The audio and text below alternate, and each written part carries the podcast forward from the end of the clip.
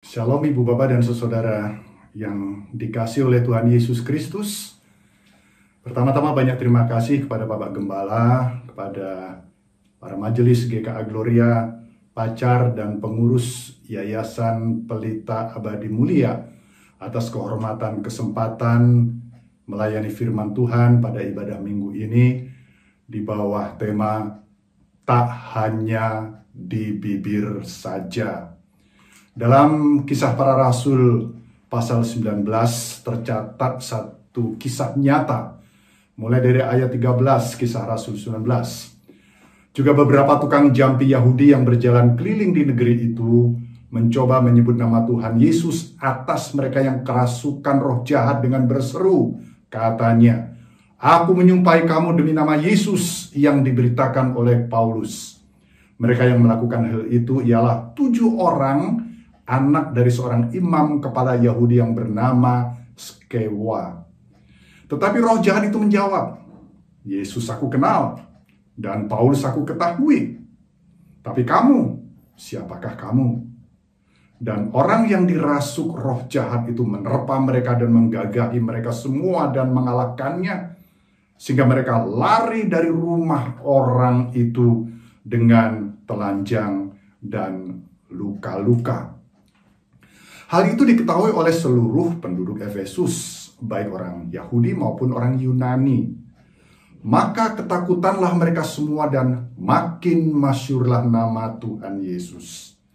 Banyak di antara mereka yang telah menjadi percaya, datang dan mengaku di muka umum bahwa mereka pernah turut melakukan perbuatan-perbuatan seperti itu. Banyak juga di antara mereka yang pernah melakukan sihir, mengumpulkan kitab-kitabnya lalu membakarnya di depan mata semua orang. Nilai kitab-kitab itu ditaksir 50 ribu uang perak. Ayat 20, dengan jalan ini makin tersiarlah firman Tuhan dan makin berkuasa. Ibu bapak dan saudara jemaat yang kekasih, sehari-hari dari dulu kita sering dengar istilah NATO, no action talk only, ngomong tok, tidak ada tindakan apa-apa. Atau ngomdo kalau sekarang ngomong duang. Jadi itu ya omongan yang tidak ada isinya. Dulu ada pepatah juga tong kosong nyaring bunyinya. Kalau kosong suaranya itu nyaring. Nah ada satu kisah, satu cerita di sebuah rumah sakit. Ada seorang dokter yang memeriksa pasien yang sakit cukup parah di bagian dalam paru-parunya. Lalu dokter ini berkata kepada pasien itu, "Pak, jika Bapak tidak berhenti merokok, umur Bapak tidak akan panjang lagi, Pak. Kasihan istri dan anak-anak Bapak." "Oh ya, Dok. Saya berjanji tidak akan merokok lagi deh, Dok." Tapi betapa mengagetkan pasien ini ketika setelah selesai dari dokter ini dan ada urusan ini itu dengan obat dan bayar dan sebagainya di tempat parkir dia bertemu dengan sang dokter yang memeriksa dia. Dan dokter ini sedang asik mengisap rokoknya. Lalu pasien ini berkata Pak dokter bukannya Pak dokter tadi katakan saya harus berhenti merokok karena kalau saya merokok umur saya tidak akan panjang. Tapi kok dokter merokok? Dokter tadi dengan ringan katakan, Pak, saya akan katakan kepada Bapak berhenti merokok. Jadi Pak, dengarkan perkataan saya. Jangan ikuti tindakan saya. Itu pendek cerita yang mengatakan mengilustrasikan bahwa betapa banyak perkataan yang tidak ada isinya. Ibu bapak saudara kekasih, iman tanpa perbuatan adalah mati. Tapi juga iman tanpa penghayatan adalah iman yang mudah dikalahkan. Bibir memang mudah berkata-kata tentang iman. Tapi apakah hati akan juga mengaminkan apa yang dikatakan bibir ini tentang iman. Dalam Alkitab kalau kita membaca Alkitab yang luar biasa ini, ada tiga periode khusus mujizat yang terjadi dalam Alkitab.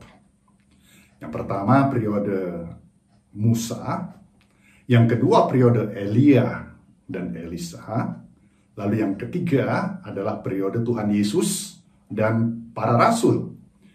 Tiap periode kurang dari 100 tahun berjalannya. Dan total mujizat yang dicatat kurang dari 100. Ya tentu saja, tidak semua yang lain itu bisa tercatat. Karena kata Yohanes 3:20 ayat 30 sampai 31 itu tidak mungkin semuanya bisa tercatat. Nah, ketika Tuhan Yesus mengadakan mujizat, ada tiga hal, paling tidak tiga hal, tujuan Yesus melakukan mujizat itu. Yang pertama sudah jelas bahwa dia bukan hanya mau ngomong tok, tapi mau menunjukkan belas kasihannya dan untuk memenuhi kebutuhan umat manusia pada waktu itu. Yang kedua, Yesus mau mengajarkan kebenaran rohani bahwa kerajaan sorga itu bukan hanya kata-kata, bukan hanya ngomong tok. Dan yang ketiga, dia ingin mempresentasikan mandatnya sebagai Mesias, sebagai juru selamat yang memenuhi segala kebutuhan umat manusia dan menyelamatkan manusia dari dosa serta menyelesaikan akibat-akibat dosa itu. Nah, para rasul termasuk Paulus mengikuti pola yang sama dengan Tuhan Yesus. Itulah pelayanan yang tak hanya di bibir saja. Allah memampukan Paulus melakukan mujizat. Kenapa? Karena Efesus adalah pusat okultisme pada waktu itu. Dan dengan itu berita Injil menjadi begitu tersebar luas dengan hebat. Karena Allah berkarya melalui Paulus untuk melawan dan mengusir kuasa roh-roh jahat. Kisah 19 ayat-ayat sebelumnya 11 dan 12. Itulah pelayanan yang berkemenangan yang dicatat dalam ayat 17 dan 20 tadi yang kita baca. Nampaknya, nampaknya semua orang tahu apa yang dikatakan ya, yang diajarkan oleh oleh Paulus dan apa yang dilakukan oleh Paulus khususnya dengan kemenangannya atas kuasa-kuasa kegelapan pada waktu itu yang merupakan satu mujizat yang luar biasa.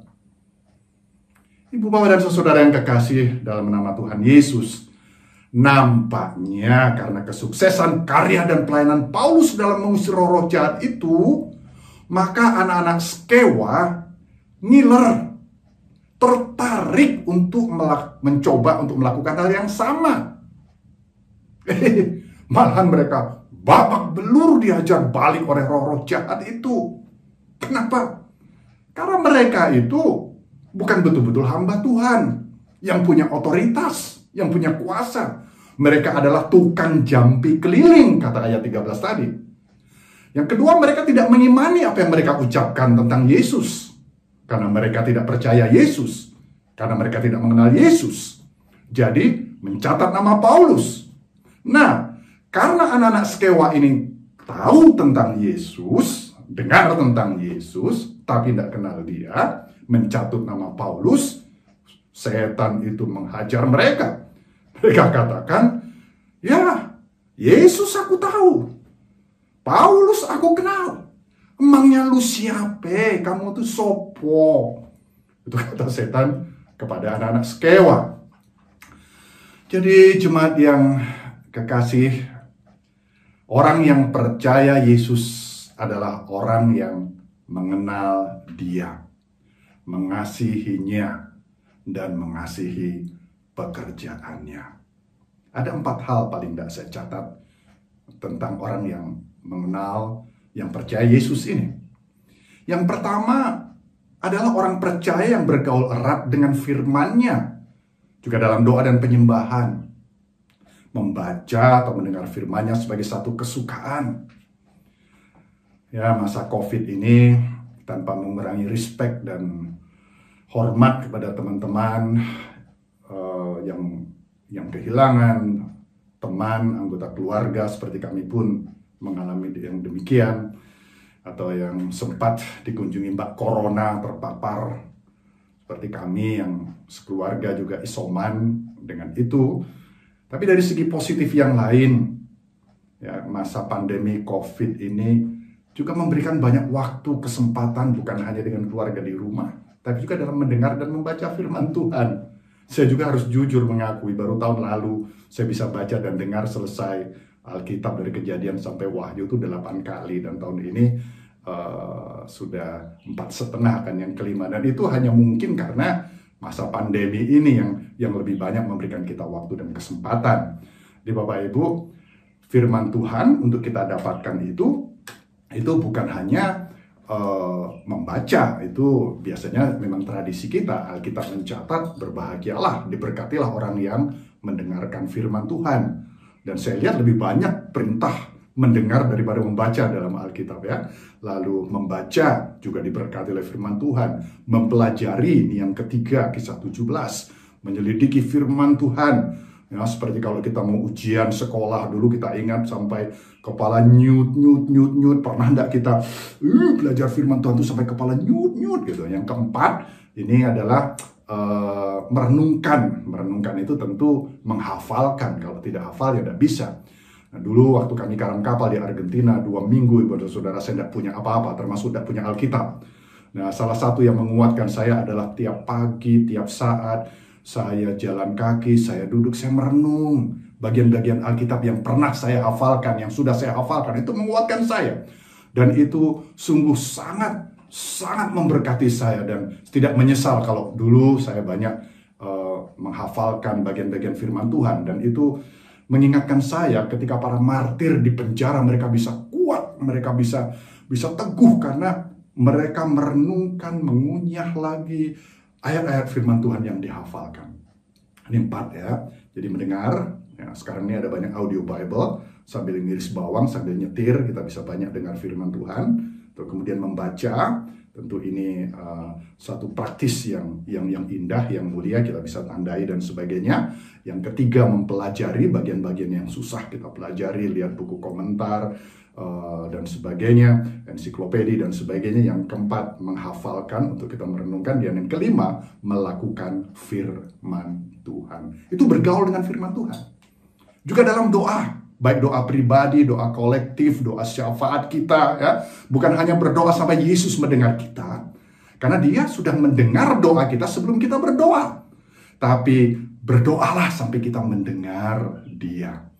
Kemudian yang ketiga, juga ketika kita menyembah dia, bukan hanya dengan perkataan, dengan musik, tapi juga uh, bukan hanya penyembahan ibadah liturgia, tapi juga praktika setiap hari ya. Jika kita menyembah Yesus dengan benar, maka hal-hal lain, masalah penderitaan dan sebagainya akan menjadi kecil. Tapi juga sebaliknya, jika kita kurang menyembah dia, maka hal-hal lain dan masalah akan menjadi besar. Yang kedua, orang yang percaya Yesus tidak akan sinkretis. Artinya tidak akan mencampur adukan, mengkompromikan kepercayaan itu. Hanya satu Tuhan, hanya Tuhan Yesus. Dan itu yang dikasihi. Hanya satu kasih, tidak dibagi-bagi. Hmm, saya punya seorang istri yang sangat saya kasihi, yang sangat saya percayai. Bayangkan kalau istri saya satu kali katakan, Pak, izinkan Pak dalam satu tahun satu hari saja aku dengan laki-laki lain. Jelas, saya tidak akan mau, tidak akan bisa. 100% percaya Yesus, 100% berbakti, beribadah kepada dia. Itu namanya tidak sinkretisme. Tidak di, tidak dicampur dengan percaya kepada horoskop, bintang-bintang, Aries, Pisces, kala jengking dan sebagainya itu ya dengan uh, dukun-dukun, dengan peramal, dengan dengan uh, jimat-jimat, ya, apalagi menghitung hari-hari baik dan sebagainya. Jangan. Itu adalah kekejian bagi Tuhan. Sekalipun hanya bercanda dan coba-coba, jangan. Karena itu kekejian bagi Tuhan. Seperti kalau istri satu-satunya yang kukasihi mau satu atau sedikit saja main macam-macam dengan laki-laki lain. Dengan begitu yang ketiga, orang yang percaya Yesus yang sudah bergaul dengan Tuhan Yesus, mengutamakan Yesus ini, akan tahu apa yang dia kehendaki dan dia tidak kehendaki. Yang dia sukai dan dia tidak sukai. Suami istri tahu betul, walaupun dengan bahasa tubuh tanpa diomongin, ya apa yang suami sukai, apa yang istri sukai. Untuk kita sudah belajar lima bahasa kasih Gary Chapman. Contoh misalnya, saya sudah tahu walaupun istriku udah ngomong, kalau aku di dapur, dia tidak suka. Karena pasti itu akan berantakan. Ya. Dan yang keempat, orang yang percaya kepada Yesus, yang mengenal dia, yang tahu apa yang dia kendaki, yang dia kendaki, ini akan diperlengkapi dan pasti diberikan kuasa. Kisah Rasul 1 ayat 8. Kalau roh kudus turun ke atas kamu, kamu akan menerima kuasa. Dunamai itu satu kata untuk untuk melukiskan kuasa yang besar, dinamit kata dunamai itu. Kuasa dalam doa, kuasa dalam perkataan, dalam otoritas, dalam dalam melawan pencobaan, dalam kehidupan, dalam pelayanan itu kuasa. Misi yang efektif dilakukan dengan cara Allah yang ketika kita mentaati Roh Kudus, Roh Kudus diberikan kepada kita. Tujuan utama dan pertama itu adalah fungsi evangelistik untuk menjadi saksi Yerusalem kita, Yudea kita, Samaria kita, sampai ujung-ujung bumi kita. Nah itulah misi yang dinamis yang akan disertai berkat kuasanya. Gereja mula-mula aktif mendemonstrasikan, aktif, bukan pasif, bukan hanya sekedar bersekutu, aktif mendemonstrasikan sign and wonders, keajaiban, kuasa Allah Kuasa Allah yang nyata dalam kehidupan bergereja pada waktu itu. Kuasa Allah yang nyata dalam kehidupan pribadi, keluarga, dan pelayanan. Itulah misi yang tak hanya di bibir saja. Ibu bapak dan saudara yang kekasih. Ketika Yesus usai mengusir setan dari anak yang sakit ayan, yang para muridnya tidak bisa, dicatat dalam Matius 70, 17, maaf. Ya. Ayat 20 Yesus berkata kepada murid-murid itu. Karena kamu kurang percaya. Sebab aku berkata kepadamu, sesungguhnya, sesungguhnya kata Tuhan Yesus, sekiranya kamu mempunyai iman sebejar, sebesar biji sesawi saja, iman yang kecil tapi sungguh-sungguh percaya ya, kamu dapat berkata kepada gunung itu, pindah dari tempat ini ke sana, maka gunung ini akan pindah dan takkan ada yang mustahil bagimu. Nah, perhatikan baik-baik di situ bahwa Yesus berkata, iman sebesar biji sesawi itu kamu kemudian berkata kepada bukan tentang gunung itu. Kepada gunung itu. Artinya dengan iman. Karena Yesus punya kuasa. Jadi gunung itu sering digambarkan sebagai masalah dalam hidup kita dalam pelayanan kita. Ketika kita berkata kepada masalah persoalan dan bukan tentang. Jadi bukan membicarakan gunung, membicarakan masalah, membicarakan persoalan, ya, problem oriented. Tetapi berkata kepada gunung itu. Kita lawan dalam nama Tuhan Yesus. Karena ini janji Tuhan. Ada kuasa untuk kita dapat mengalahkan dan memindahkan gunung itu. Itulah iman yang tak hanya di bibir saja. Ibu dan saudara jemaat yang kekasih dalam Tuhan. Tujuan akhir pelayanan, paling tidak yang tercatat dalam perikop kita, setelah peristiwa anak-anak Skewa yang dihajar oleh iblis, oleh setan habis-habisan, karena mereka hanya ngomong tok, mereka tidak punya kuasa, mereka tidak punya otoritas nama Tuhan Yesus. Paling tidak ada dua yang tercatat di sini, ayat 17 dan 20 itu, kisah 19 mengatakan, melalui itu semua, melalui sign and wonders dari Paulus, maka makin masyurlah nama Tuhan Yesus. Lalu ayat 20, dan dengan jalan ini, dengan jalan bahwa memang Yesus berkuasa, dan bahwa Paulus itu dalam pelayanan disertai dengan kuasa, karena bukan hanya di bibir saja, tapi iman yang sungguh-sungguh pada Tuhan Yesus, maka tersiarlah firman Tuhan dan makin berkuasa. Ayat 18. Banyak di antara mereka yang telah menjadi percaya. Banyak orang diselamatkan. Jiwa dimenangkan. Ya. Lalu mereka yang diselamatkan itu serius. Bukan main-main. Serius dengan Tuhan. Mereka bertobat sungguh-sungguh ditandai dengan pemberesan dosa dan mau meninggalkan yang betul-betul tidak menyenangkan hati Bapa. Dicatat bahwa buku-buku sihir dibakar dan itu bukan buku yang murah. Dicatat dalam Alkitab itu ayat 18 bahwa itu seharga 5000 uang perak. 5000 uang perak itu setara dengan total gaji 150 orang selama setahun bukan gaji UMR, tapi juga bukan gaji konglomerat, jadi gaji rata-rata. Ya. Jadi mereka betul-betul yang percaya ini membayar harga pertobatan yang sungguh-sungguh. Bertobat betul-betul tinggalkan. Bertobat tidak, ah masih mau mendoakan orang matilah. Bertobat tapi ah masih mau berdoa, uh, minta berkat dari orang mati. Ah bertobat tapi masih ya tambah-tambah untung lah, hitung-hitungan hari yang baik, ini itu untuk bisnis mau lihat horoskop hari yang baik itu mana dan sebagainya. Tidak begitu.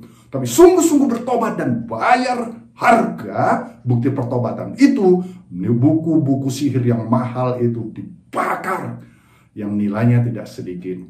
Itulah pertobatan yang tak hanya di bibir saja.